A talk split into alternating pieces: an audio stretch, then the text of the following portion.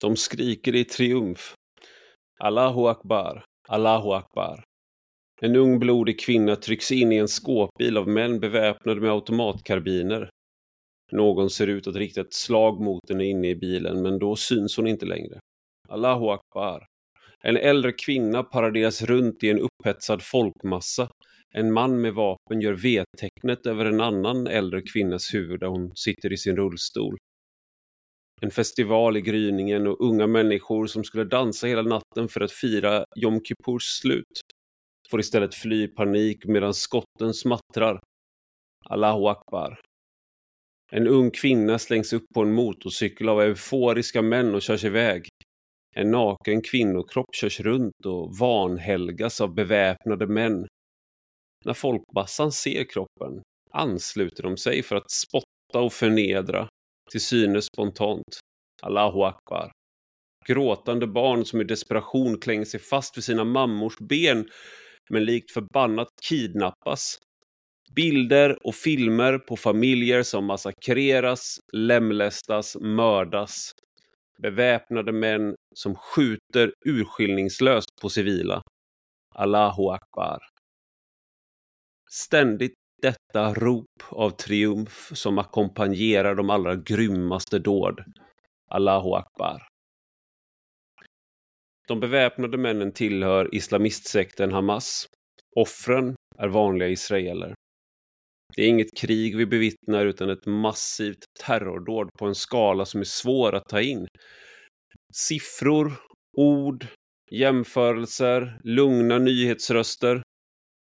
Det är verktygen jag själv arbetar med, men de har en förmåga att söva oss. Få oss att tänka att detta är ännu en dag som alla andra trots allt. Verkligheten blir statistik och så mycket lättare att hantera just därför. Men bilderna från Israel talar ett annat språk. De talar rakt in i hjärtat. Det hade kunnat vara min egen familj, din familj. Nej, detta är inte en kamp mellan två parter. Inte mellan två lika goda kålsupare. Det är inte ens mellan två civilisationer eller två kulturer. Utan mellan civilisation och barbari. Ondskan som nu visar sig i Israel, som idag bär Hamas ansikte, det är samma ondska som Islamiska staten stod för i Syrien och Irak för några år sedan. Och det är samma ondska som mördar oss här i Sverige, i Frankrike och Storbritannien, i hela världen. Samma jubelrop som hörs från bödlarna i Israel på Gaza hörs även här. Allahu akbar, Allahu akbar.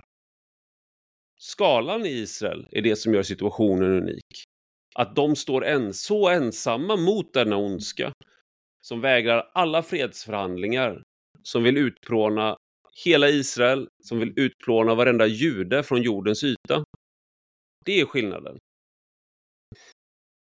Vad säger det om ens tro?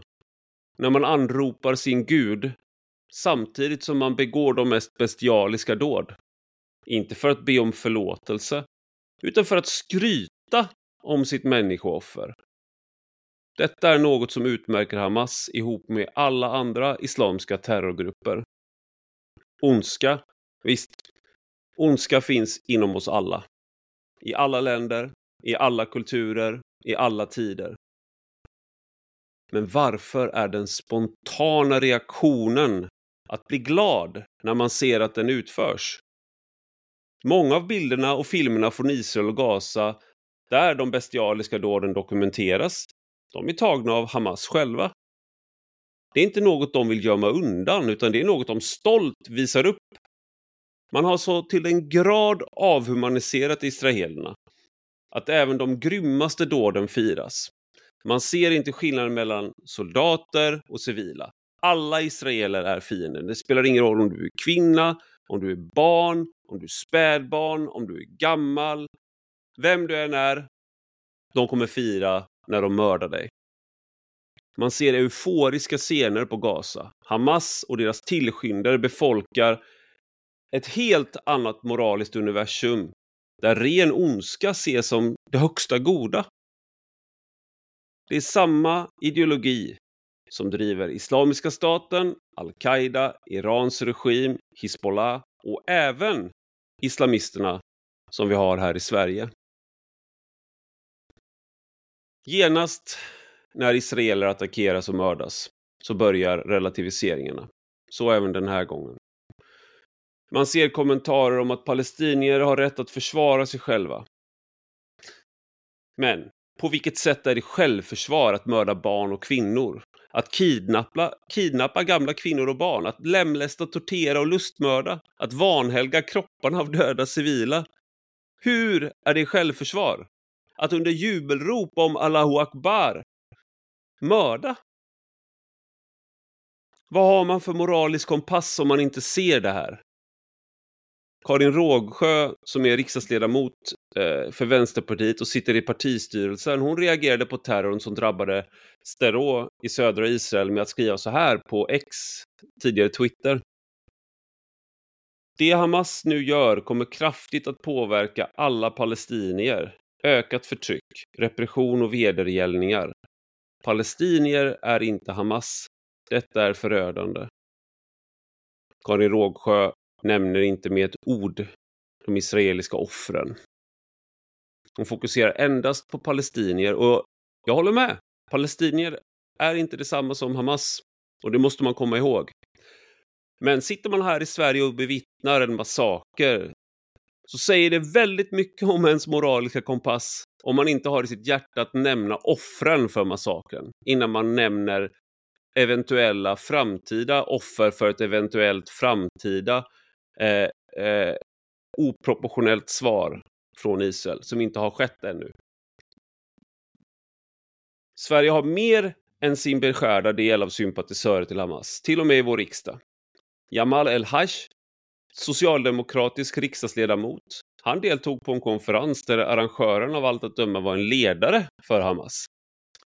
Han tvingades inte avgå. Nej, nej. Han uteslöts inte ur partiet, utan han fick lite semester istället. En time-out. Han sitter kvar i riksdagen med Magdalena Anderssons goda minne. Flera tusen raketer sköts mot Israel från Gaza under lördagsmorgonen. Förra året gick 453 miljoner av svenskt bistånd till Palestina. Hur många raketer får man för 453 miljoner tror du? Det är en skandal att Sverige fortsätter med det här. Men faktum är att Sverige inte bara på detta sätt är en sponsor av Israelhat och antisemitism. Vi skänker årligen en halv miljard till FNs organisation för palestinska flyktingar, UNRWA, som aktivt sponsrar antisemitism och Israelhat, bland annat genom skolor där barnen indoktrineras i Hamas-propaganda från tidig ålder. Detta gigantiska stöd beror på att socialdemokrater som exempelvis Margot Wallström och Peter Hultqvist, Hultqvist de är så pro-palestinska att det övergår i, ja, i något annat kan man säga. Och nu kommer det rapporter från Malmö och från andra delar av Sverige och från europeiska städer att angreppet firas. I Sverige firas alltså tortyr, kidnappning, mord på barn, kvinnor och äldre. Vad gör de här människorna i vårt land? Det är ondskans hantlangare och de känner inte ens att de behöver dölja det. Inte ens när de är i Sverige behöver de dölja det. De kan åka runt och tuta och fira ett massivt terrordåd på civila. De skäms inte. Antisemitismen för dem, det är något helt normalt. Det är deras livsluft.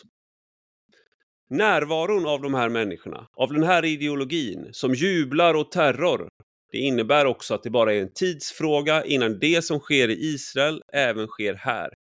Igen. Och igen. Och igen. Det som sker i Israel nu angår oss i allra högsta grad av flera skäl. När vi mördas är det också till ropen av Allahu Akbar, precis som för israelerna. Det är samma ondska här som där. Samma besinningslösa hat samma terrorister.